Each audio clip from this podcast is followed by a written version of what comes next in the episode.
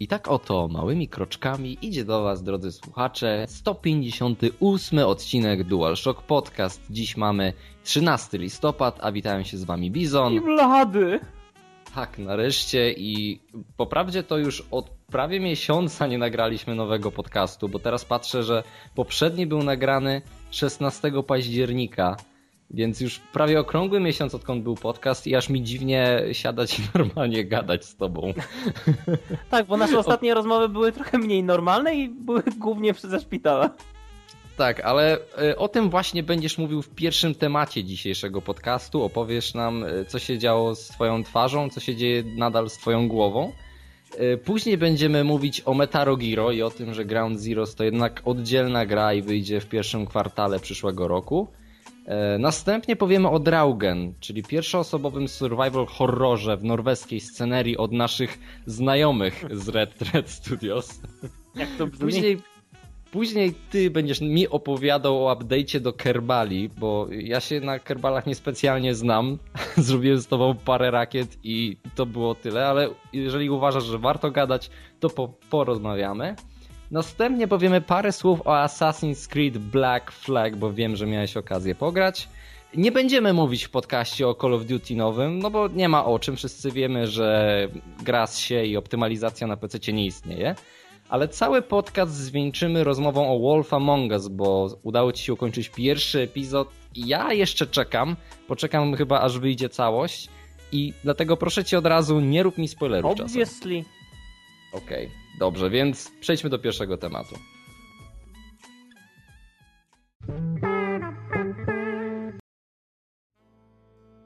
No więc to było tak. No, no albo trochę inaczej będę opowiadał. E, no to ogólnie właśnie chciałem, żebym przedstawił sytuację, co się w ogóle działo ze mną i czemu nie pisałem. I już zrobiłem taki maleńki wpis na stronie, gdzie mniej więcej zaznaczyłem, co się stało i w sumie już można mieć pewne pojęcie o tym. E, Nawet zrobiłeś bardzo fajne zdjęcie, wstawiłeś, które dobrze obrazowało twój wygląd po Tak, wszystkim. znaczy ja nie mam żadnej dokumentacji zdjęciowej z tych pierwszych, najgorszych dni po pobiciu, e, bo wtedy nawet ja nie miałem odwagi podejść do lustra. Znaczy pierwszego dnia... Ja nie miałem, nie miałem twarzy. Nie miałem, moja twarz nie istniała. E, z tego co no. słyszałem wyglądało, wyglądało to bardzo źle. I to zdjęcie Rokiego to naprawdę, to jeszcze nic, tak? Bo jeszcze miałem do tego całą wargę spuchniętą, także ogólnie wracałem sobie z Halloweenowej imprezy. E, I jako, żeby było bezpiecznie, no to znajomi zamówili mi taksówkę. No, taksówkę pod dom, pod ludzie biorą, żeby bezpiecznie się wracało.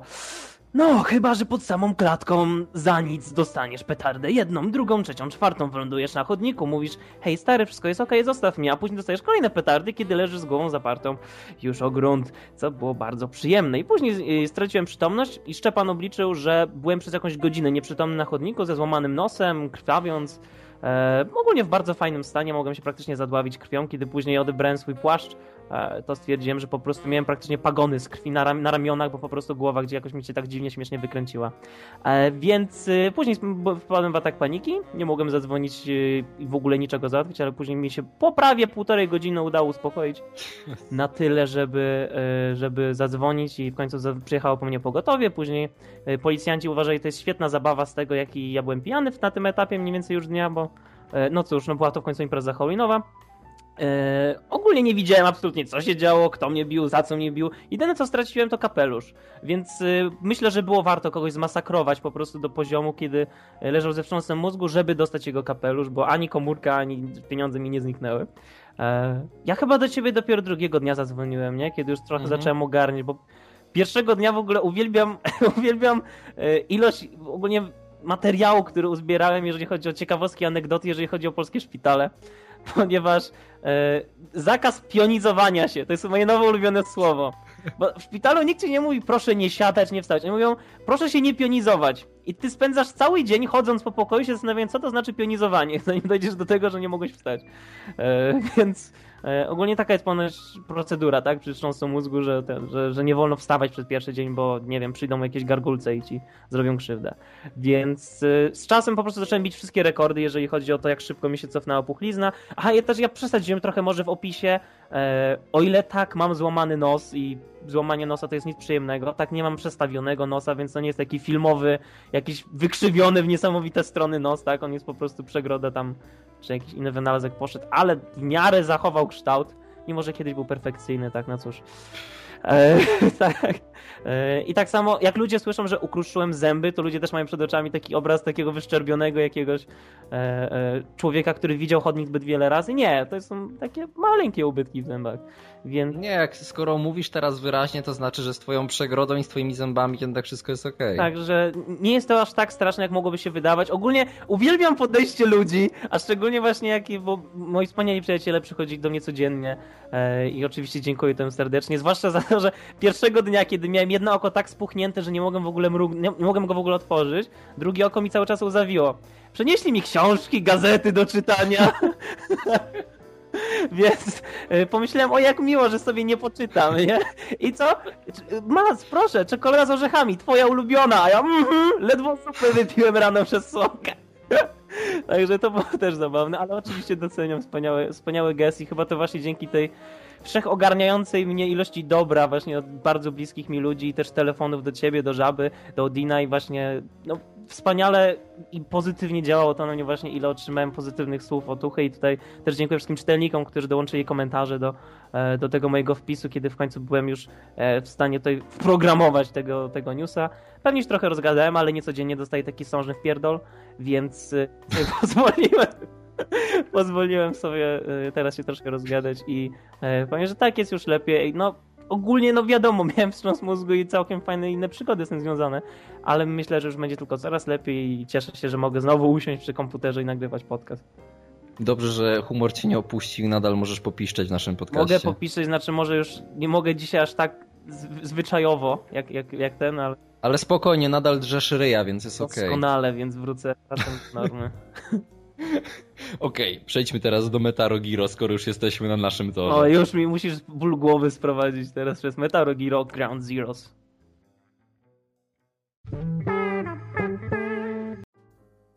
Dobrze, więc Metaro Giro Ground Zeroso. My uważaliśmy, że... Znaczy uważaliśmy, byliśmy przekonani wręcz, że to jest taka mydlana gadka Kojimy, że to są tak naprawdę dwie różne gry, że Ground Zeroes to coś innego niż Phantom Pain i cały czas teraz już się okazało, że okłamywaliśmy się myśląc, że to będzie jednak jeden pakiet, w którym Ground Zeroes będzie takim tutorialem, takim wprowadzeniem, jakim było Virtuous Mission do Snake Eatera. Tymczasem rzeczywiście będziemy mieć tu oddzielną grę, która dodatkowo podobno w wersjach tych na konsole tej nowej generacji, które będą, które już mają premierę w tym miesiącu, e, nie będzie nawet pudełkowana, będzie po prostu digital download i troszkę to dziwi i nie wiem, co to ma osiągnąć? Czy to ma być taka po prostu reklama, która ma sprawić, że wszyscy się rzucą jak, nie wiem, wygłodniałe zombie na, na Phantom Pain, kiedy już w końcu wyjdzie i kiedy, kiedy w ogóle wyjdzie Phantom Pain? Bo skoro oni robią jednak dwie oddzielne gry, to skoro Ground Zeroes wyjdzie w pierwszym kwartale tego roku y, następnego, to dlaczego e, Czyli dlaczego? Ile będziemy musieli czekać na Phantom Pain? Znaczy ja się spotkałem gdzieś z opinią analityka, który mówił, że on się nie spodziewa Metal Gear Phantom Pain w 2015 roku. E, więc. E, znaczy, nie, no to chyba przesada Może przesadził, niemniej. E, ja gdzieś się też spotkałem informacją, że w zależności od tego, jak się sprzeda Ground Zeroes, to da znak Konami, kiedy wypuścić Phantom Pain. Ja zwykle myślałem, że gry się wypuszcza, kiedy są gotowe, ale widać się mylę od kilkunastu lat już chyba. Nie, nie, blady, wszystkie gry wypuszcza się przed świętami no przecież. przecież. Ale właśnie to teraz jest pytanie, czy jeżeli się bardzo dobrze sprzeda Ground Zeroes, to będą chcieli jak najszybciej wypchnąć niedokończoną grę? Czy jeżeli się dobrze sprzeda Ground Zeroes, to pomyślą, a to trzeba w takim razie dopracować, żeby Phantom Pain wyszedł jak najlepszy i zadowolił oczekiwania graczy, które zostały ustawione na wysokim poziomie. Ale widzisz, to też jest dziwna taktyka, że wypuszcza się grę na początku przyszłego roku, a nie na końcu tego, bo wydaje mi się, że Ground Zeroes jest chyba zrobione w ponad 90% i oni gdyby chcieli, mogliby to wypuścić teraz na święta, a mimo wszystko premiera jest na początku roku przyszłego. Trochę to dziwne, ale może Japończycy mają inną politykę co do wypuszczania gier niż zachodni wydawcy. To może być mądre, jeżeli oni zdążą wtedy wypuścić Phantom Pain na, na koniec roku?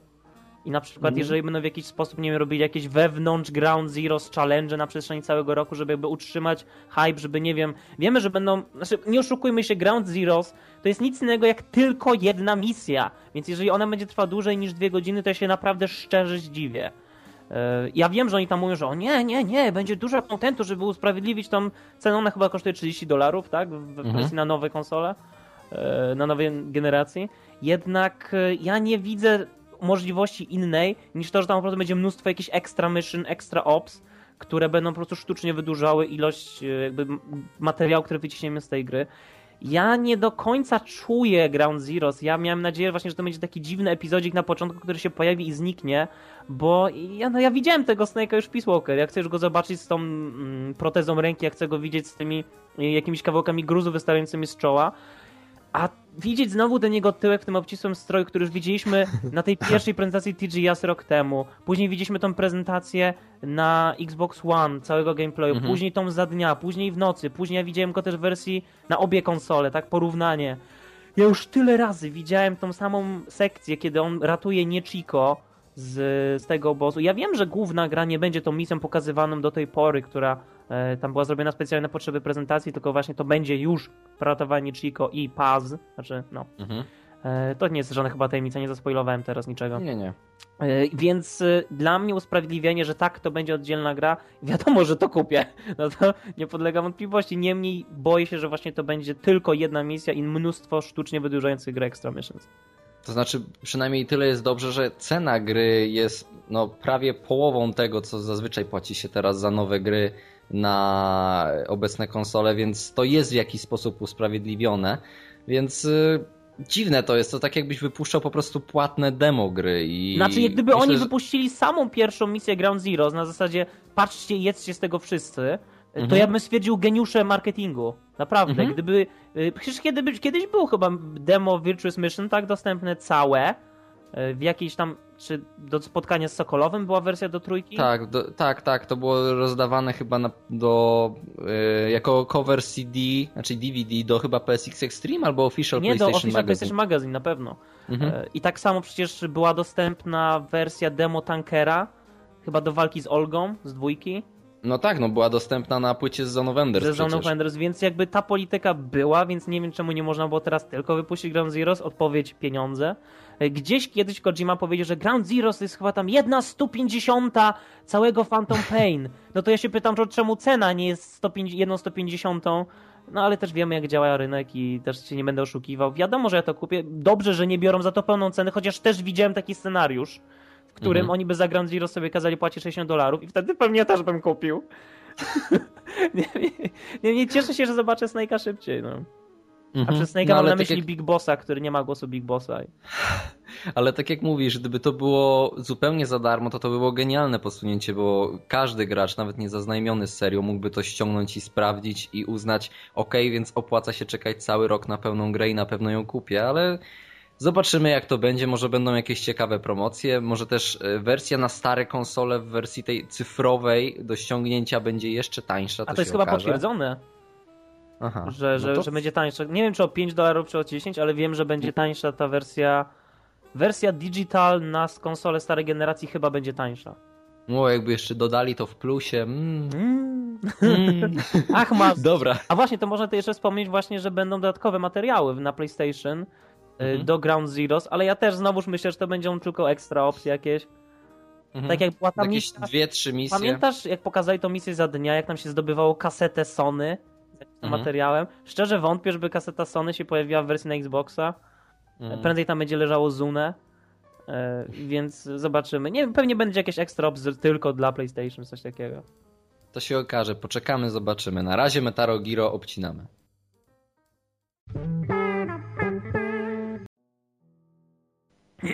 Poszło? Tak jest chwila chciałem zrobić OK, nawet nie myślałem, Jezu, już tyle czasu minęło, że nawet nie potrafię powiedzieć OK. E, Bizon! To ja. Draugen. Uwielbiam twoje wprowadzenia tak, po prostu. Właśnie wiem, że one dają ci tyle możliwości dalszego rozwoju, jeżeli chodzi o temat. Ogólnie, kiedy ja sobie chorowałem i nic nie robiłem, a właściwie symulowałem, bo tam wcale nie dostałem po twarzy. E, kiedy ja sobie symulowałem, to Bizon działał. Bizon działał e, i używał naszych kontaktów zdobytych na PGA i między innymi wśród tych kontaktów był kontakt ze studiem Red Thread Studios, e, czyli twórcami teraz idącymi wielkimi, nadchodzącymi, nadchodzącej wielkimi krokami gry Dreamfall Chapters. E, dowiedzieliśmy się od e, szefa w ogóle całej głowy projektu. Mr. Tonquist przedstawił kolejny projekt, na którym będzie pracowało studio, mianowicie Draugen, e, który ma być realizacją jego projektów, które tworzył lata, lata temu i teraz w końcu nadarzyła się okazja i Bizon się dowiedział trochę więcej właśnie e, teraz może ten klimat norweski, nordycki, fiordowy na nas przelać. On.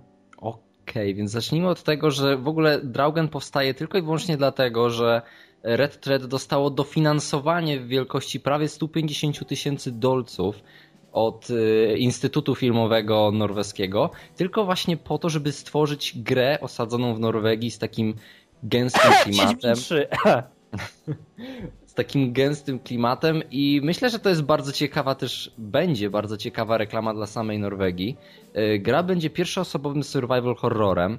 I na tych pierwszych screenshotach, które zostały załączone na oficjalnej stronie, można doszukać się takiego lekko dir-esterowatego klimatu, co uważam jest bardzo fajne. Ogólnie jeżeli chodzi o fabułę, to mamy być e, fotoreporterem, który trafia właśnie na taką do takiej opuszczonej miejscowości, znaczy może niekoniecznie opuszczonej, bo tam jakieś osoby mają mieszkać i będziemy odkrywać ich historię i ogólnie historię tego miejsca, tajemnice. Będziemy widywać, już jest potwierdzone, więc to nie będzie żaden spoiler, że będziemy widywać jakieś duchy i będziemy zapewne odkrywać ich historię, ten cały ich background.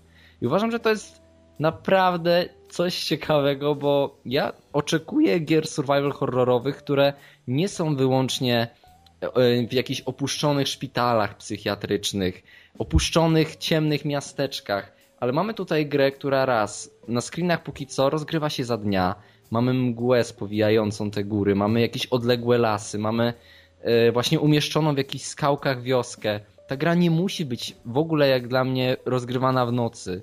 Byleby ona robiła taki, wiesz, E, atmosferę miasteczka Twin Peaks. Mhm. Zostałeś umieszczony nagle w świecie zupełnie innym, bo ty nie jesteś, nie będziesz tam Norwegiem, tylko Amerykaninem, więc e, nagle jesteś tylko fotoreporterem umieszczonym gdzieś w nieznanym sobie otoczeniu, otoczeniu, które sprawia, że czujesz się dość wyalienowany, i mimo, że ono nie zapowiada może nic strasznego początkowo, to jednak pewnie wchodząc głębiej w tą grę będziesz coraz bardziej, wiesz, zasnuty tą aurą tajemniczości. I ja się prawdę mówiąc nie mogę czegoś takiego doczekać, bo tak jak rozmawialiśmy z Łukaszem tydzień temu ponad, yy, Łukasz mówił o tym, że Dear Esther miało taki taki dziwny ten klimat, może nie straszny, ale niepokojący. Mhm. I też tutaj widzę właśnie to, że jest miejsce na ten niepokój, taki zwykły ludzki niepokój, kiedy po prostu kroczysz poprzez jakąś jakieś miejsce, nie wiedząc dokładnie, yy, nie mając może jakichś większych informacji na ten temat i nie wiesz czego oczekiwać. I chyba to jest najwa- najważniejsze i najlepsze w horrorach, kiedy ty nie masz oczywistości jakichś, które mówią ci tutaj będzie coś strasznego, tutaj będzie mrok, tutaj zaraz będzie bu. Po prostu atmosfera i to po tych paru screenshotach już widać, że w tej grze będzie. Dla mnie po prostu, ja sam, jak ja tylko widzę cokolwiek od Red Thread, jeżeli oni jeszcze mają okazję zrobić coś osadzonego w no dość bliskim klimacie, to ja naprawdę chcę widzieć gry, które jeżeli Norweg robi grę, i w końcu ma okazję osadzić w Norwegii, niech to zrobi. Jak ja widzę, że Polak koniecznie musi robić grę o żołnierzach dzielnych amerykańskich, którzy walczą w dżungli, Sniper Coast Warrior, e, to mnie to boi. Tak ja, ja bardzo cenię taki powiedzmy prawdziwy patriotyzm, czyli nie podpalanie e, jakichś tęcz, tęczowów mieście. Tak, Okej, okay, miałem uniknąć jakichś politycznych teraz uniesień. Sam sobie mówiłem nie mów, nie mów, nie mów, powiedziałem. E, więc politycznie się teraz uniosłem. Niemniej ja bardzo chcę widzieć tego typu projekty i byłoby bardzo ciekawe, gdyby właśnie szerzej wykorzystywano gry jako właśnie nie tyle promocji, bo nie wiem, czy można promować Norwegię grom horror, tak? Ale mhm. myślę, że mimo wszystko może zwiększyć zainteresowanie ludźmi krajem, bo Norwegia jest naprawdę pięknym miejscem. I tam mhm. nie może się, tam na największym zadupiu możesz po prostu zrobić w losowym miejscu, możesz opuścić aparat i wiadomo, że zrobisz genialne zdjęcie. Możesz gdziekolwiek, po prostu możesz za siebie rzucić, tak? I wiesz, że zdjęcie wyjdzie genialne. Więc jeżeli oni oddadzą właśnie ten klimat, te, te, te fiordy, te łososie, norweskie łososie, jeżeli oddadzą w grze ich poł, to, to wtedy będzie hit naprawdę. Ale też pamiętaj, że historia gry ma jakby zawierać w sobie też nordyckie legendy i całą mitologię, więc no, jest wiemy, tutaj jest materiał na coś. W ogóle Skandynawowie to są... no, to jest zupełnie inny gatunek człowieka, więc to jest superior man i ich mitologię to jest coś naprawdę wspaniałego, jeżeli chodzi o e, właśnie ludzi północy. Mm, ja jestem jak najbardziej pozytywnie nakręcony, jeżeli chodzi o ten tytuł. E, może zrobimy wycieczkę do studia, zapytamy ich więcej, nie? Tam połowimy, połowimy w jakimś tam jeziorku. Za... Ale wiesz, nie jest powiedziane, że. Yy, znaczy, ja na pewno będę chciał utrzymywać kontakt z Red Threadami i być może będziemy mieć więcej informacji. Nie uważam, że będziemy mieć informacje, których nie będzie miała jakaś inna strona internetowa ale postaram się być z nimi w kontakcie na tyle, że jeżeli pojawi się jakaś nowa informacja na temat Draugena czy coś, to będzie to u nas w podcaście. Ale też nie wiem, kiedy oni się na poważnie wezmą za Draugena, bo przecież jeszcze mają do skończenia Dreamfall Chapter, tak naprawdę. I przecież y, wycisnęliśmy, że są zobowiązani do zrobienia Journey Home. No właśnie, więc y, studio, mimo że jest małe i niezależne, to jest teraz zapracowane i nie wiem, gdzie oni znajdą na to wszystko czas, ale na pewno będziemy się przyglądać. Będziemy się przyglądać i oby, oby, oby im starczyło tego dofinansowania. Na pewno, no wiesz, jeżeli masz takie małe studio, które ja myślę, że tysiąc, e, czyli 150 prawie tysięcy dolców to jest wystarczająco, żeby oni mogli stworzyć taką grę. Ja no, wiem, że budżety obecnych gier ale budżety obecnych gier wynoszą parę milionów, ale tam też jest marketing i tak dalej, i tak dalej, a e, myślę, że oni będąc niezależnymi twórcami, nad którymi nikt nie stoi i jeżeli będą mieć dodatkowo jeszcze pieniądze z Dreamfalla, czego bardzo im życzę, to ten projekt powinien wyjść, udać się i jeszcze nas zaskoczyć. Także y, DualShock Podcast mamy nadzieję. Jest, jak najbardziej. A dawno nie mieliśmy pieczątki, mamy nadzieję bo my się po prostu robimy z czasem chyba coraz bardziej negatywni. Kept waiting, huch! Tyle razy traciliśmy tą nadzieję po jakimś czasie, że po prostu chyba nie chcemy tego Sila przybijać. Ostatnia nadzieja... No, Okej, okay, koniec. Blady Kerbale. Tak! Yes! Teraz cię ładnie cię wprowadziłem, Ale podoba ci się? Tak, i wiesz, że ja uwielbiam takie wprowadzenia. Ale popatrz, jak możesz ładnie zbudować wypowiedź no teraz. przecież, to jest właśnie, a myślisz, że czemu ja zawsze tak wprowadzam? Przecież to daje nieograniczone możliwości, a skoro o nieograniczonych możliwościach mowa, to kerbale. Więc y, nie jest wielką tajemnicą, że bardzo lubię kerbale, bo chyba o tym miałem okazję wspomnieć w podcaście już parę razy. E, mhm. Kerbale mam zakupione, oficjalnie wspieram, czytam, śledzę każdy wpis y, twórców na, na na ich blogu śledzę filmiki Scotta Manleya, który jest po prostu bożyszczem, jeżeli chodzi o tworzenie swoich rakiet i tworzenie jakichś ogromnych w ogóle projektów. Ogólnie Kerbale są grą, która bardzo chce nas nauczyć fizyki rakietowej i podróży międzyplanetarnych, jednocześnie będąc mega przyjemną i przyjazną i pocieszną. To jest gra, przy której po prostu jest miło tracić czas, a tak naprawdę go nie tracimy, bo się można tak wiele nauczyć i ta gra obudziła, bo ogólnie moja miłość do gwiazd jest e, taka sinusoidalna. Jak byłem bardzo mały, to się bardzo interesowałem kosmosem. Później była chwila spadku i bardziej poszedłem w stronę e, historii, gier historycznych, druga wojna tak dalej. Ale później to, to powraca, takie rzeczy się nie zapomina. Więc teraz moja miłość do gwiazd powróciła dzięki Kerbalom. I oczywiście Kerbale do tej pory były grą wyłącznie sandbox. Mieliśmy od razu dostęp do mnóstwa części i jedynym ograniczeniem była nasza wyobraźnia. I to jest fajne. Ja mam bardzo rozbudowaną wyobraźnię, więc ja stworzyłem swój projekt y, tworząc taką swoją własną historię w głowie, że to jest projekt Big Bossa, który y, buduje Outer Heaven, bazę w kosmosie, tak? I zaczyna od robienia tam jakichś posterunków na, na Księżycu i nazywałem te wszystkie swoje projekty w stylu Soliton Radar System i e, stworzyłem osobistą stację orbitalną dla Big Bossa, którą nawet nagrałem i e, jak tylko rozwiążę pewne problemy wideo, to zrobię filmie, który pokazuje cały projekt Big Bossa, który stworzyłem na orbicie. Więc e, teraz wyszedł bardzo ważny update. Update, który dodał tryb kariery. Bo jak wiemy, mhm. Kerbale, znaczy wiemy, teraz się dowiecie, może niektórzy, że Kerbale to jest gra, która się ciągle rozbudowuje i do niej się dodaje nowe elementy i ona jest w niekończącej się po prostu konstrukcji tam. Niekończącej się fazie beta. Niekończąca się faza beta, jednak to jest taka beta, w której naprawdę zbierają cały czas feedback, bo jesteśmy tacy pro język polscy dzisiaj, e, zbierają feedback od moderów i innych e, użytkowników i dodają nowe rzeczy. I właśnie rzecz, którą dodali to jest tryb kariery i science! Ponieważ jest kult nauki teraz w Kerbalach, mamy możliwość zbierania punktów, za które odblokowujemy nowe rzeczy, bo zaczynamy z naprawdę bardzo podstawowym zestawem, który pozwala nam no, praktycznie tylko podlecieć do góry i w miarę się nie zabić lądując. Jednak w miarę, kiedy zaczynamy zbierać informacje o atmosferze, kiedy zaczynamy zbierać informacje o y, trajektorii lotu naszych rakiet, dostajemy nowe rzeczy i jedną z tych rzeczy jest obserwowanie tajemniczego goo. I Mystery Goo to jest substancja, która różnie reaguje w różnych stadiach grawitacji, przyciągania też e, planeta Kirby została podzielona na sektory, w końcu mamy jakąkolwiek zachętę, żeby podróżować po naszej planecie, bo do tej pory gra oczywiście zakładała, że po prostu wybijasz się z pasa startowego i lecisz w kosmos, tak? A teraz podzielili całą planetę na sektory. Mamy pustynię, mamy e, e, oceany, mamy jakieś tereny górzyste, piaszczyste, niziny, równiny, e, bieguny i zalądowanie i badanie właśnie tej substancji i powierzchni w różnych miejscach dostajemy punkty, więc w końcu się opłaca podróżowanie po naszej rodzinnej planecie. E, do tego księżyc został podzielony na kratery i opłaca się wracać na księżyc, żeby każdy ten kolejny krater zbadać. No i z czasem oni chcą podzielić wszystkie planety właśnie na sektory, gdzie e, teraz to nie jest kwestia, że a wyląduję byle gdzie, zbiorę jedną informację i wracam do domu. Teraz się naprawdę będzie ta eksploracja, to co mówił Von Braun, że nie chodzi o to, żeby dotrzeć na księżycu like a challenge, but it should be exploration. Oczywiście mówił to po niemiecku, bo był nazista. Więc y, Ale zachowałeś ten taki rytm i wiesz, głos taki bardzo niemiecki, więc jest okej. Okay. Prawie ci wyszło. Więc możemy budować von Braunowe rakiety i lądować w różnych miejscach księżyca, tworzyć łaziki. I ten system jest bardzo niedopracowany teraz bo ogólnie gra zakłada, że powinieneś powracać z każdej misji z tymi danymi, bo wtedy jest więcej punktów science za to, czy jeżeli wylądujesz na księżycu, podniesiesz kamień i z nim wrócisz. Ale jednocześnie możemy tworzyć bezzałogowe misje, które po prostu będą spamowały informacje z kosmosu, będzie jakaś tam utrata punktów, ale póki spamujemy, a jestem dość cierpliwy, jeżeli chodzi o kerbale, to możemy tak długo spanować te informacje, że za jeden lot możemy odblokować jedną trzecią drzewką umiejętności.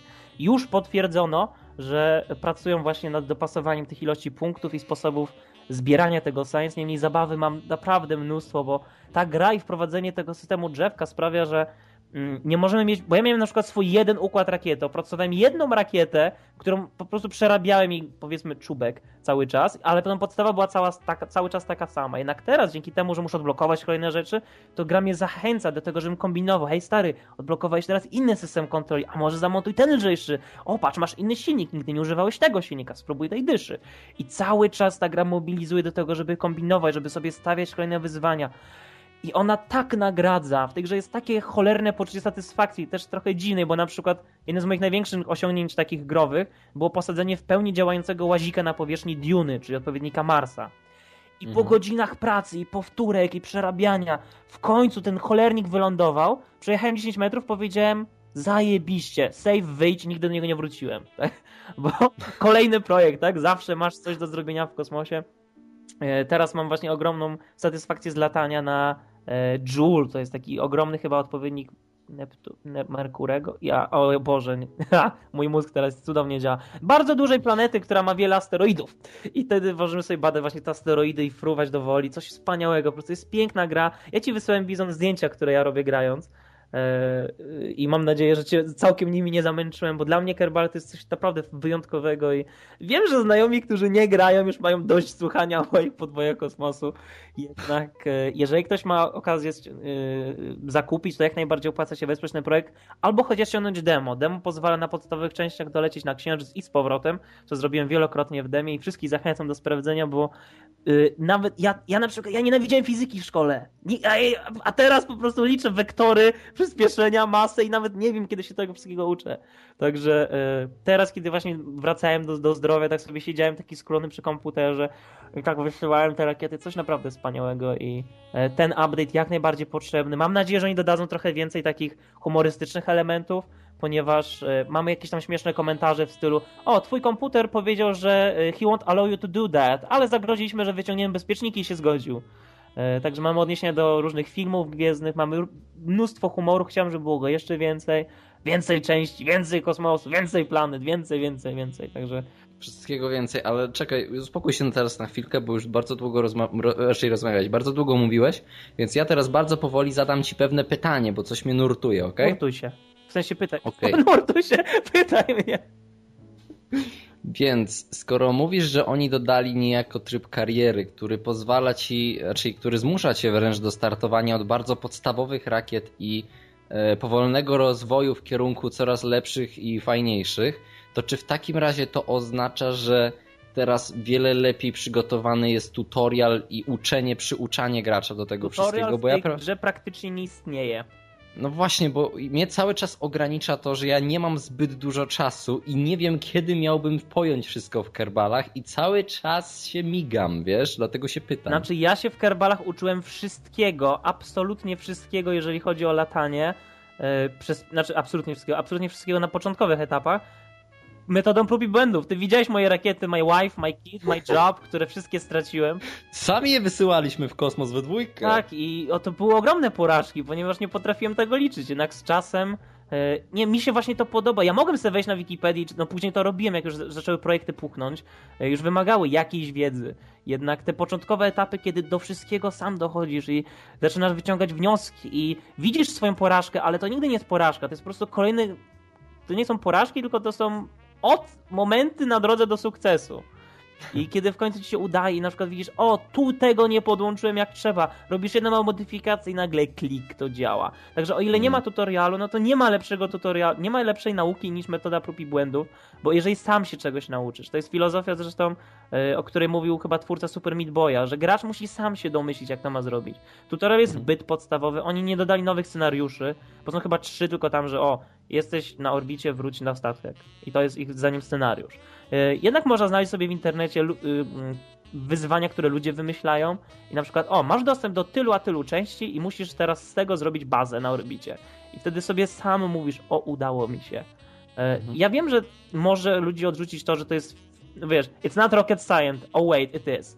Mhm. Jednak ja myślę, że gdybyś poświęcił godzinę po prostu na porażki, to z czasem byś zaczął coraz wyżej i lepiej latać i to będzie o wiele więcej warte, niż gdyby ktoś ci powiedział naciśnij X, żeby wygrać.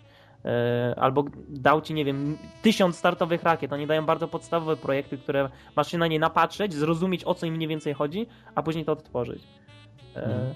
I no, może czasem po prostu trzeba pod sam koniec na przykład odkryć, że spadochron nie działa na Księżycu. E, więc... To prawda. No naprawdę.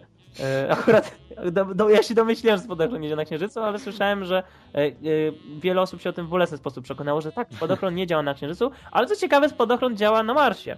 Znaczy na Dune, ponieważ to, że nie ma tlenu nie znaczy, że nie ma atmosfery. Nie ma atmosfery, no. Okay. Więc jak naj... Och, Kerbale, aż mi się ciepło zrobiło, mam tapetę z Kerbali, teraz na nią patrzę. Jezu, jaka to jest pocieszna gra. Okej, okay, to może kiedyś się przekonam i ściągnę demo, a tymczasem myślę, że i tak nas będziesz męczył kolejnymi update'ami, które będą się pojawiać, jeżeli będą przedstawiały coś ciekawego. Tak, ponieważ ale też ma być tryb górnictwa! Będziemy może świetnym górnikiem, który kopie substancje na powierzchni. Już jest nawet mod, który pozwala górniczyć księżyc. Więc... Zaj, zajebiście, ale wiesz, to się przydaje, bo wiem, że wśród słuchaczy są ludzie, którzy też grają w Kerbale, więc myślę, że jednak kogoś zainteresowałeś. No, mam taką nadzieję, że i ludzie, którzy grają się teraz ucieszą, wiedząc, że gra pę pęcznieje, puchnie i trzeba im update'ować, trzeba wspierać twórców, bo są naprawdę wspaniałymi ludźmi. Ja słuchałem z nimi podcasty. E, naprawdę wspaniały projekt, piękna, piękna idea i jeżeli ktoś mówi, że gry to jest tylko przemoc i TVP nas nienawidzi, odpalcie im Kerbale, naprawdę. Kerbale może rozwiązać bardzo wiele problemów, jeżeli chodzi o ustabilizowanie, ustabilizowanie sytuacji właśnie międzynarodowej. Peace for everyone, make rockets, not war. Okej, okay, to z takich statków kosmicznych przejdziemy teraz na statki takie, co pływają na Ale i zrobił przejść! Widzisz? Panie, piękne. Więc znów będzie teraz mówił Blady, a to dlatego, że miał okazję pograć w Assassin's Creed Black Flag. Ja jestem zupełnie niezainteresowany Assassin's Creed Black Flag. Jeszcze żaden Assassin's Creed nie był mi tak obojętny. Nawet Revelations, którego nie skończyłem, nie był mi tak obojętny jak właśnie Assassin's Creed Black Flag. I powiedz mi, Blady, bo ty grałeś niewiele, wiem, ale... Yy czy jest jakaś różnica i czy warto wrócić do tej serii po, po takiej porażce, jaką był Assassin's 3? Znaczy, to, że Assassin's 3 jest porażką, nie ulega żadnej wątpliwości. To, że Assassin's Creed 4 Black Flag. Wróć, cofnij! Ta gra nie powinna być Assassin's Creedem, moim zdaniem, mhm. mimo wszystko. Ta gra oddaje klimat piractwa w tak cudowny sposób i ona ona jest wa warta jako całość więcej niż jej składowe elementy. Ja grałem ze Szczepanem, który jest ogromnym fanem morza i on pływa na statkach i dla niego szansa właśnie odpalenia tej gry i tłumaczenia mi zasad właśnie, że o zobacz, teraz trzeba się przygotować, bo uderzy fala, tutaj trzeba zwrócić uwagę, w którą stronę wieje wiatr, zobacz, wtedy rzeczywiście używali takich haków do przyciągania, do abordażu, o popatrz, teraz mogę zmienić tutaj to i już te nazwy mi powyleciały. Ale to czekaj, to rozumiem, że to jest yy, dość, nie wiem prawdopodobne to, co oni tam robią, że to nie jest nie tak, do końca, jest... bo jednak mimo wszystko to jest arcade i możemy płynąć pod wiatr. Aha, Jednak po, po, prostu płyniemy wolniej.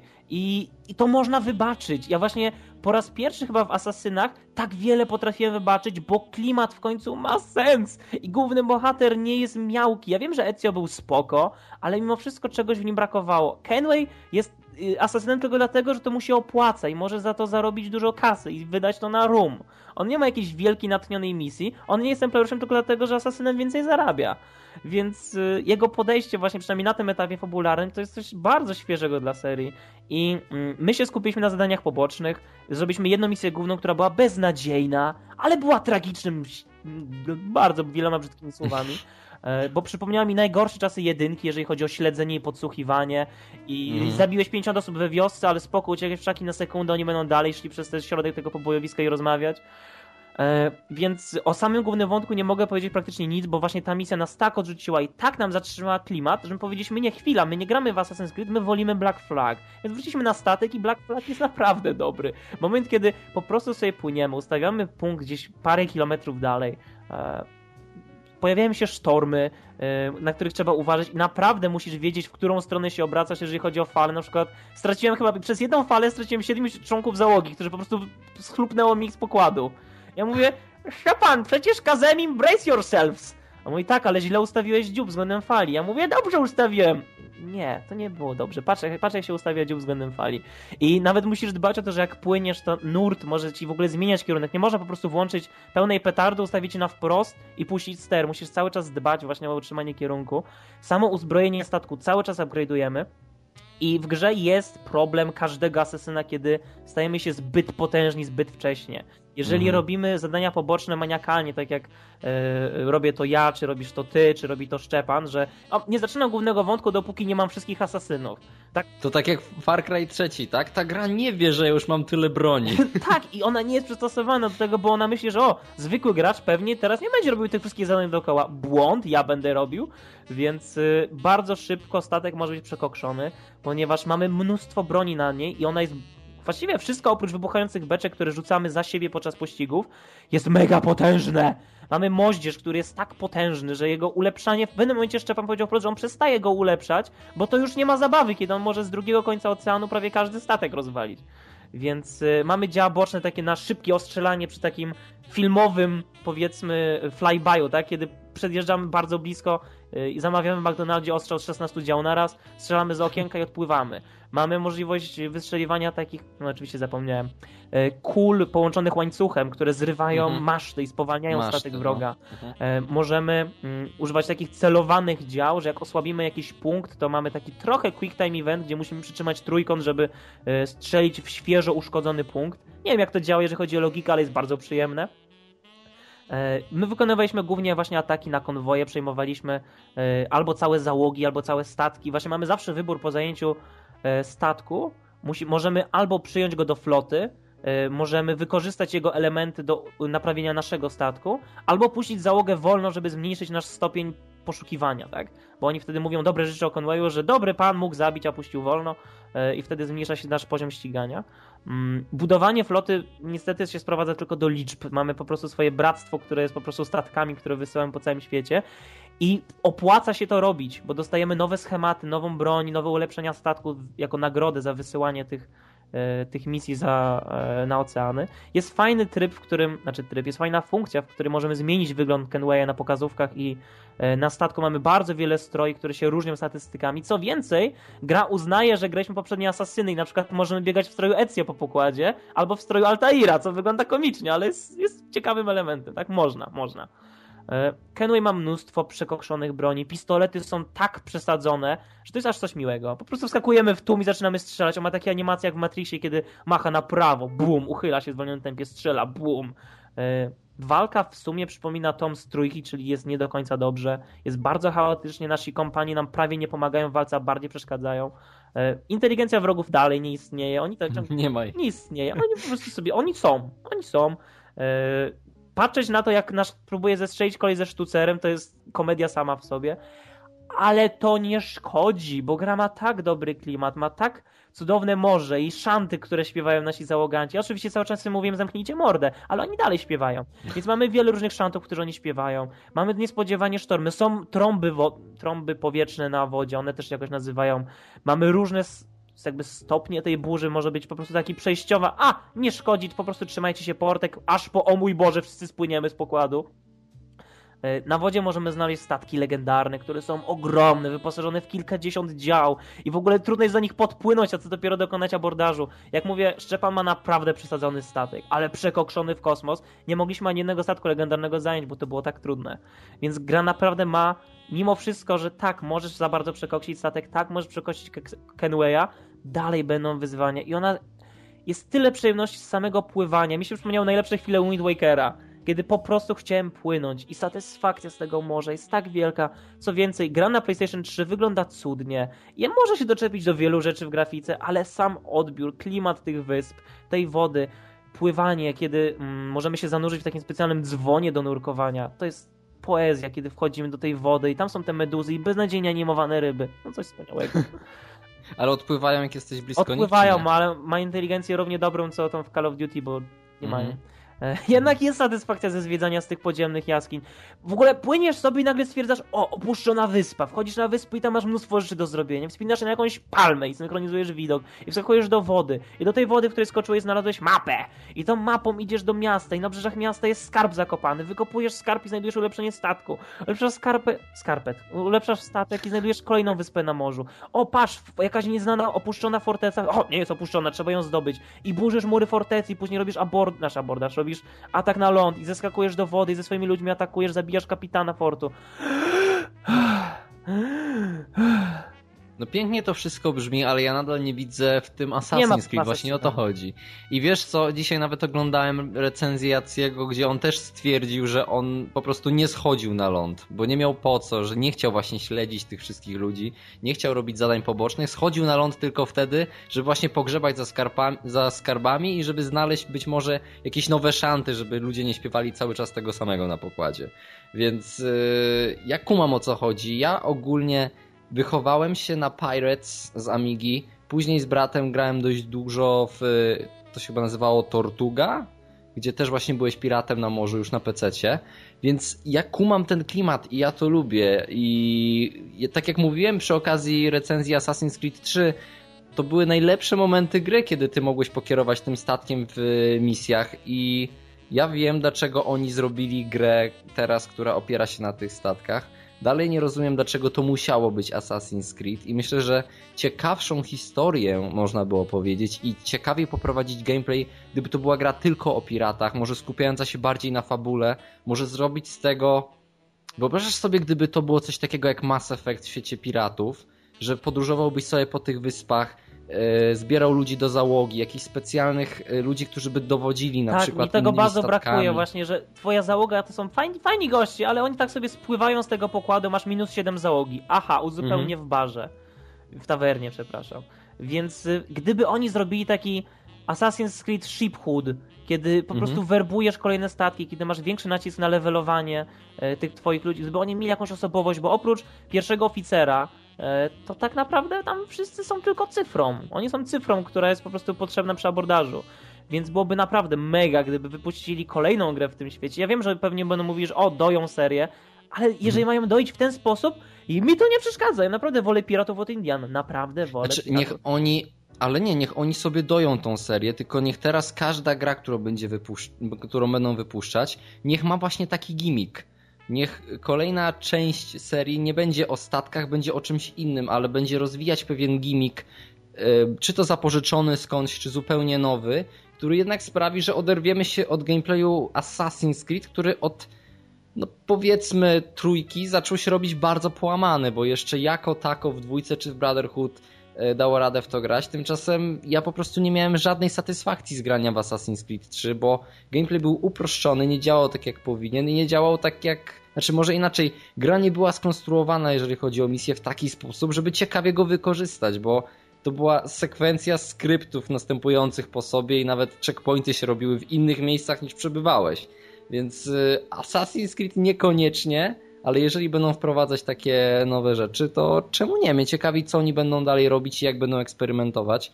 I jeżeli to rzeczywiście działa, to mam nadzieję, że im się to sprzeda i zobaczą, że warto eksperymentować z tą serią i wprowadzać nowe rzeczy, bo cholera, myślałem, że to już będzie taki martwy pies, którego ktoś będzie tylko podkopywał cały czas, żeby wstał na chwilę, zbrał, zebrał pieniądze i znowu upadł. Ale widzę, że Assassin's chyba jednak coś z tego wyrośnie. I jaki tam będzie nowy gimmick? No pies, no a jaki inny? No ale, ale co będzie robił pies? No jak to co? Farmił Golda. Mhm. Nie. Nie. Okej, okay, ostatnia rzecz. Czy, będzie, czy ty na przykład masz ochotę kupić Black Flag? Ja mam ochotę kupić Black Flag i zobaczyć go na PlayStation 4. Bo ja chcę, ja chcę to. I właśnie to jest fajne, że kupujesz grę o piratach i mówisz, fuck fabuła, jestem piratem, robię co mi się podoba, tak? Gro, mówisz mi, że muszę robić główny wątek? Fuck you! Ja będę pływał, tak? Jestem piratem, robię co mi się podoba. I samo to, ja uważam, że wart, gdyby ktoś miał wziąć Black Flag i pograć tylko do tego momentu fabularnie, kiedy ma statek, ma załogę, może pływać po całym, po całym praktycznie tutaj tym morzu, oceanie, e, po Karaibach. Jeżeli samo nieschodzenie ze statku daje tyle przyjemności, ta gra już jest warta. A jeżeli ktoś do tego znajdzie jeszcze jakąś satysfakcję z wątku głównego, spoko. Ale tu nie o to chodzi, naprawdę. Jesteś piratem, rób z tą grą, co ci się podoba, bo ona daje ci narzędzia, daje ci ludzi, daje ci miejsca, daje ci wyzwania i najlepszy skrypt to jest taki, jaki ty stworzysz w swojej głowie, a gra ci później powoli go pozwoli go wykonać, kiedy dokonałeś abordażu tak, jak chciałeś, yy, udało ci się ten jeden genialny skok, nie na pokazówce, ten, który ty zrobiłeś i znalazłeś, o, na tej linii jeszcze można przeskoczyć w inny sposób, o, udało mi się go zestrzelić z tej odległości, nie wiedziałem, że się da, dla takich chwil warto grać Black Flag, dla samego morza, dla przyjemności, dla szantów, i jedno tylko. E, mhm. w ogóle powiedziałem zdanie, które dopiero po chwili załapałem, jak źle zabrzmiało. Ja uwielbiam walenie. Naprawdę, walenie jest wspaniałe. Walenie są wspaniałe. I zabijanie wielorybów w tej grze to jest coś, co mi się bardzo nie podoba. Ja wiem, że to jest część kultury pirackiej, ale walenie jest zajebi są zajebiste, więc y, tutaj też jest cały crafting związany z zabijaniem wszystkich wymierających gatunków. Jednak same wieloryby mm, mm, zabijamy też kapucynki, które są najsłodszymi małpami na ziemi. Wiem, że to jest właśnie to jest moja mentalność, tak, że w grze zabiłeś właśnie 400 osób, które nic właściwie nie zrobiły poza tym, że są strażnikami albo są w służbie królewskiej mości i pływają, bo taka jest ich praca. Nie przeszkadza mi to w ogóle, ale nie, kazałeś mi zabić wieloryba. O nie. Pamiętaj, że gry są brutalne. Gry są brutalne. Tutaj na filmiku widzimy, jak ktoś gra, upadł, nikt mu ręki nie podał. Okej, okay, e, to ja myślę, że kończąc ten temat warto by było powiedzieć coś takiego. Ubi, jeżeli chcesz nadal kroić pieniądze, to zróbcie nową część Assassin's Creed, która będzie świeża, która będzie ciekawa, a w międzyczasie niech zespół też popracuje nad grą, która będzie po prostu o piratach i która będzie łapać dobre rzeczy, które są już w Black Flag i będzie je jeszcze bardziej rozwijać. Tak jak mówię, być może dodając do tego ciekawą fabułę jakieś decyzje, to by była pozycja już nawet dla mnie wtedy, bo ja, ja cały czas myśląc o Assassin's Creed, ja wiem, że tam jest ten połamany gameplay. Ja go nie chcę. Ja nie chcę właśnie dążyć do tego, żeby jednak mimo wszystko zejść z tego statku, bo fabułę trzeba skończyć mimo wszystko. This is a tale of Captain Conroy, pirate so brave. No, no ja już skończyłem. Mhm. Żegna się z wami Bizon. Jeszcze nie do końca, jeszcze jeden Aha. temat. I ten nowy temat właśnie teraz ruszył. Będziemy mówić o Wolf Among Us, czyli e, nowej, świeżej produkcji od Telltale Games. I powiedz mi, Bladałkę, jako że ty dobrze wiesz, jak bardzo podobało się zarówno mi, jak i żabie Walking Dead, bo rozmawialiśmy godzinami o Walking Dead, kiedy wracaliśmy z PGA. No i zaraziłem to... was w ogóle pokazując 400 Days. Bardzo ci za to dziękuję, że mnie zaraziłeś. Do Więc to tylko jedna z niewielu chorób, które ci dałem. Powiedz mi, bo e, w Walking Dead jest chyba największą siłą Walking Dead było to, że e, zresztą zarówno chyba w komiksie, jak i w serialu mamy to samo, że to nie jest historia o zombie tyle co o ludziach i to chyba było najbardziej wciągające, jeżeli chodzi o tę grę, że ty się po prostu przywiązywałeś do tych postaci. E, ja, może nie tak jak ja mocno się przywiązywałem, tak żaba po prostu gdzieś w czwartym czy już w piątym rozdziale, to już wiesz, dla niej to było już niepojęte, że na przykład ktoś mógł zginąć albo coś, nie? Ona bardzo emocjonalnie do tego podchodziła. Ja po części się nie dziwię, bo ja też lubię emocjonalnie podchodzić do gier, bo wtedy czerpię większą satysfakcję z poznawania tej historii i tych postaci. I teraz o Wolf Among Us ja nie wiem zupełnie nic, jeżeli chodzi o fabułę. Wiem, że jesteśmy kolesiem, który niby jest wilkiem, który jest jakimś detektywem, ale naprawdę nie śledziłem tego, nic o tym nie wiem. Też nie chciałem za dużo wiedzieć, żeby sobie nie, nie zaspoilować jakichś niespodzianek. Nie oglądałem żadnych wideorecenzji, więc teraz bez spoilerów proszę mi powiedzieć, jak ma się Wolf Among Us do wiadomo już teraz genialnego Walking Dead. E, bardzo dobrze i aż boli mnie myśleć, że oni teraz będą się bardziej przykładać najprawdopodobniej przy drugim sezonie Walking Dead, a nie Wolf Among Us. Ponieważ ja zostałem tą grą zaatakowany znikąd. Ja o niej nie słyszałem, dopóki ona nie wyszła jako demo. Znaczy wiedziałem, że Telltale coś tam robi, ale myślałem, że to będzie właśnie taki o, throwaway project w międzyczasie, o, widzę, że czekacie robaczki na Walking Dead, to pograjcie sobie w jakąś tam małą gierkę. I ja grając w demo przez długi czas nie kumałem, czemu mnie to ma obchodzić wszystko. Ale ty powiedziałeś, mm. że to jest koleś, który jest wilkiem. On nie jest jakimś wilkiem. On jest tym wilkiem. Tak, ja wiem. Ja, ja wiem, że to są y, wersje tych baśniowych y, wilków. I nie wiem, czy wiesz, ale wilk z bajki Czerwony Kapturku był moją pierwszą rolą teatralną, którą grałem w przedszkolu. Więc mam wyjątkowe emocjonalne przywiązanie do tej roli. I kiedy widzimy postacie z bajek wrzucone do naszego świata, E, i dowiadujemy się, że jesteśmy tym złym wilkiem, tym, który zdmuchnął domek świnek dwóch, a trzeciego nie zdmuchnął, bo był z, z kamienia. Więc kiedy gramy tym złym wilkiem i on jest detektywem, właściwie szeryfem, który prowadzi śledztwo w tym mieście, gdzie postacie z bajek muszą się ukrywać przed mandis, którzy są mugolami, nie wiem jak przetłumaczyć, codzienniaki, czyli oni ukrywają się przed nami, bo zostali wygnani z krainy baśni i legend, muszą mieszkać w jakichś zapuszczonych apartamentach i biednych dzielnicach to jest niesamowity klimat i ta gra po prostu wygląda cudownie. Pierwsze, rozdzia pierwsze rozdziały pierwszego rozdziału e, są bardzo mroczne, bardzo komiksowe. Ta ulica skąpana w tym mroku i latarnie, które błyskają, coś wspaniałego. Ogólnie, żeby ci nie zdradzić zbyt wiele fabularnie, gra jest bardzo noir, poznajemy Femme Fatal, oczywiście jest wielka tajemnica, która e, śledzi gdzieś tam w tle i nie wiemy kto jest głównym złym i gra ma to, co robi najlepiej, to jest stopień, w jakim my się wczuwamy w główną postać i mówimy, to jest mój Big B. Tak? To jest tak, jak mieliśmy naszego, jak się nazywa główny bohater Walking Dead? Lee. Lee.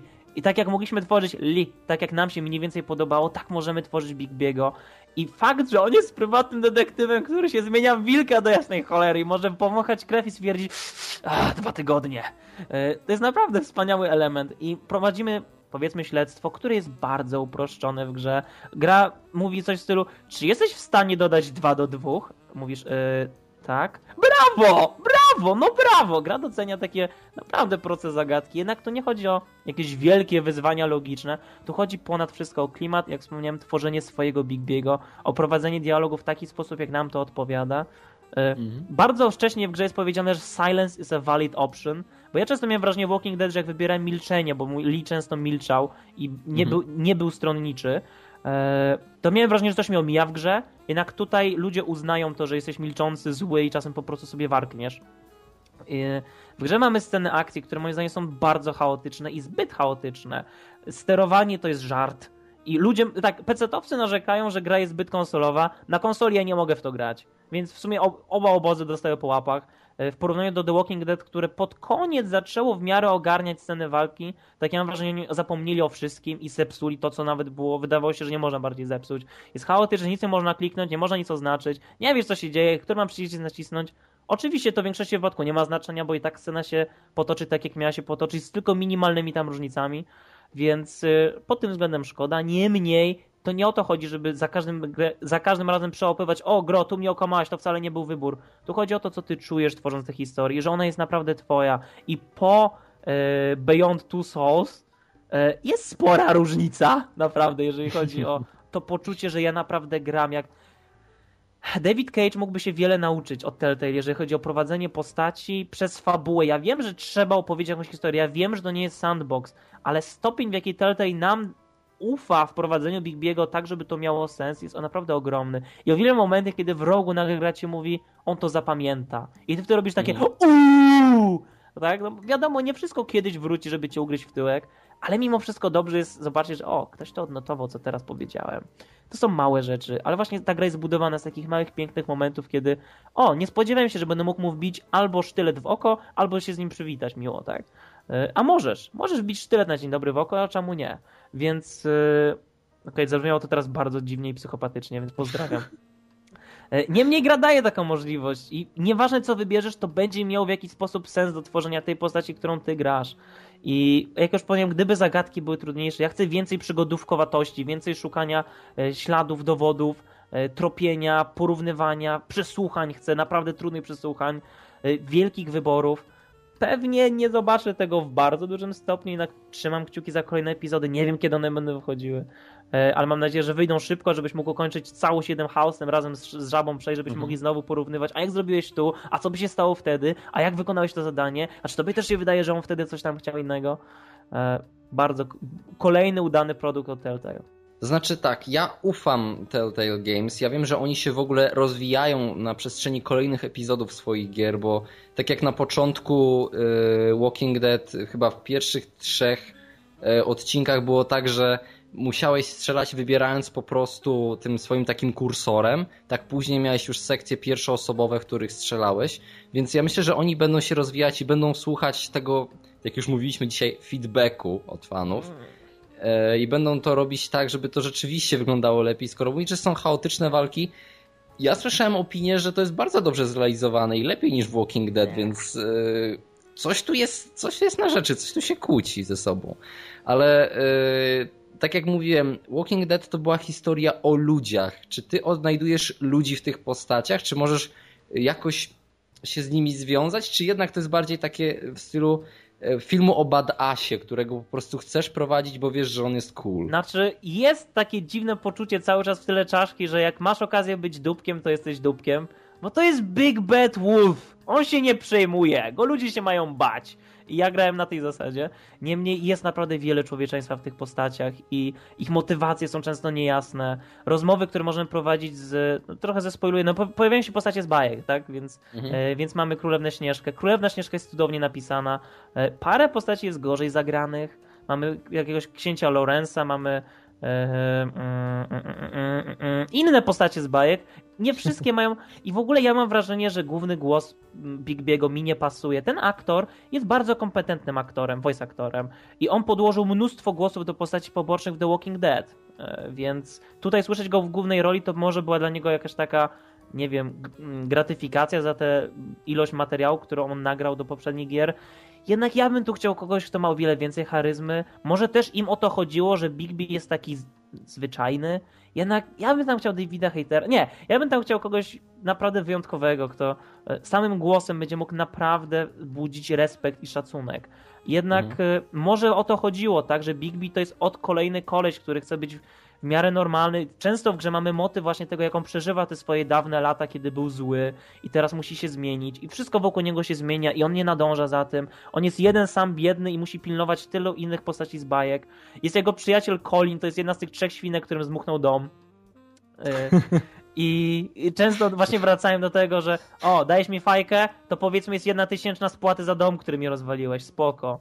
Yy, I później widzisz tą świnkę z tą fajką w gębie, która się pyta, czy nalejesz mu drinka i masz wybór nalej drinka albo nie. To są takie małe rzeczy, wiesz, no, to jest małe, ale tworzysz tą postać i nawet ta głupia świnka, jedna ze świnek trzech, on jest bardzo ludzki i on podnosi bardzo fajne argumenty. I oni mają taką rozmowę o życiu i śmierci, i o kobietach, samotności i tuńczyku. I to jest miło tego słuchać. To jest bardzo krótki moment w grze, ale naprawdę jeden z lepszych, kiedy rozmawiamy z Colinem.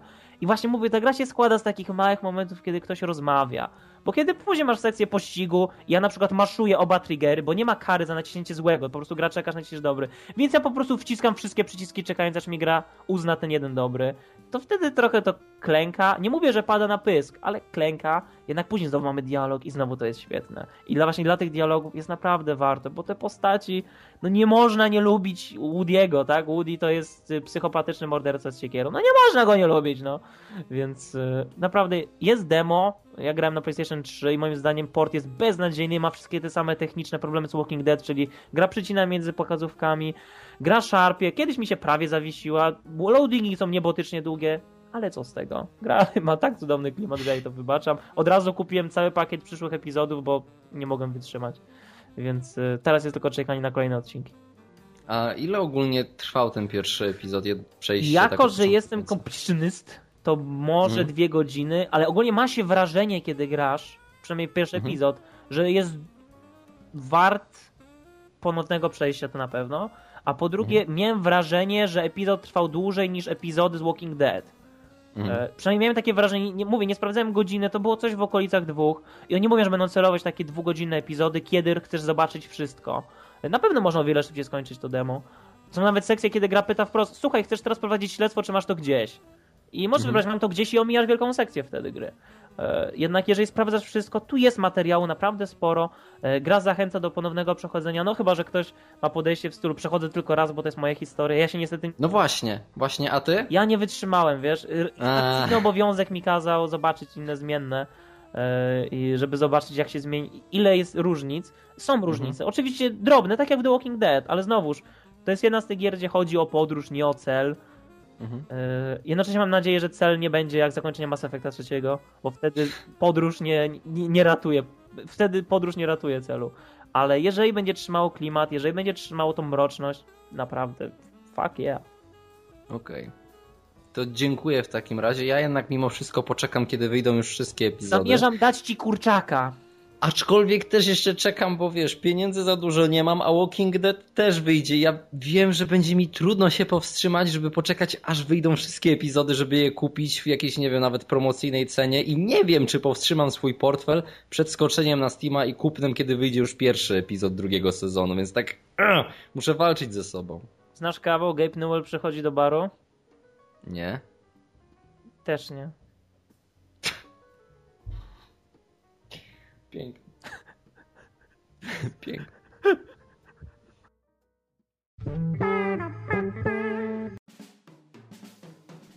Uff, skończyliśmy ten 158 odcinek DualShock Podcast, tak? Mm.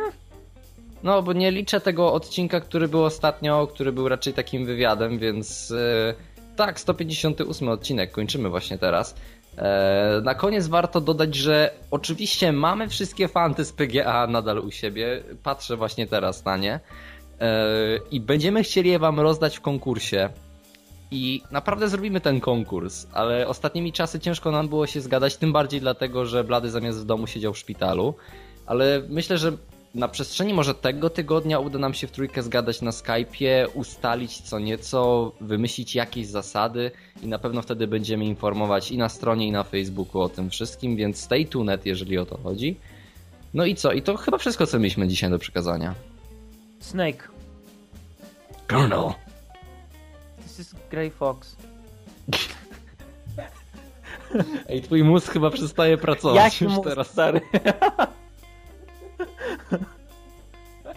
Ale wiesz co, w ramach eksperymentu naukowego moglibyśmy prowadzić tę dyskusję dalej, zobaczyć w jakie rejony mojej podświadomości zajdziemy.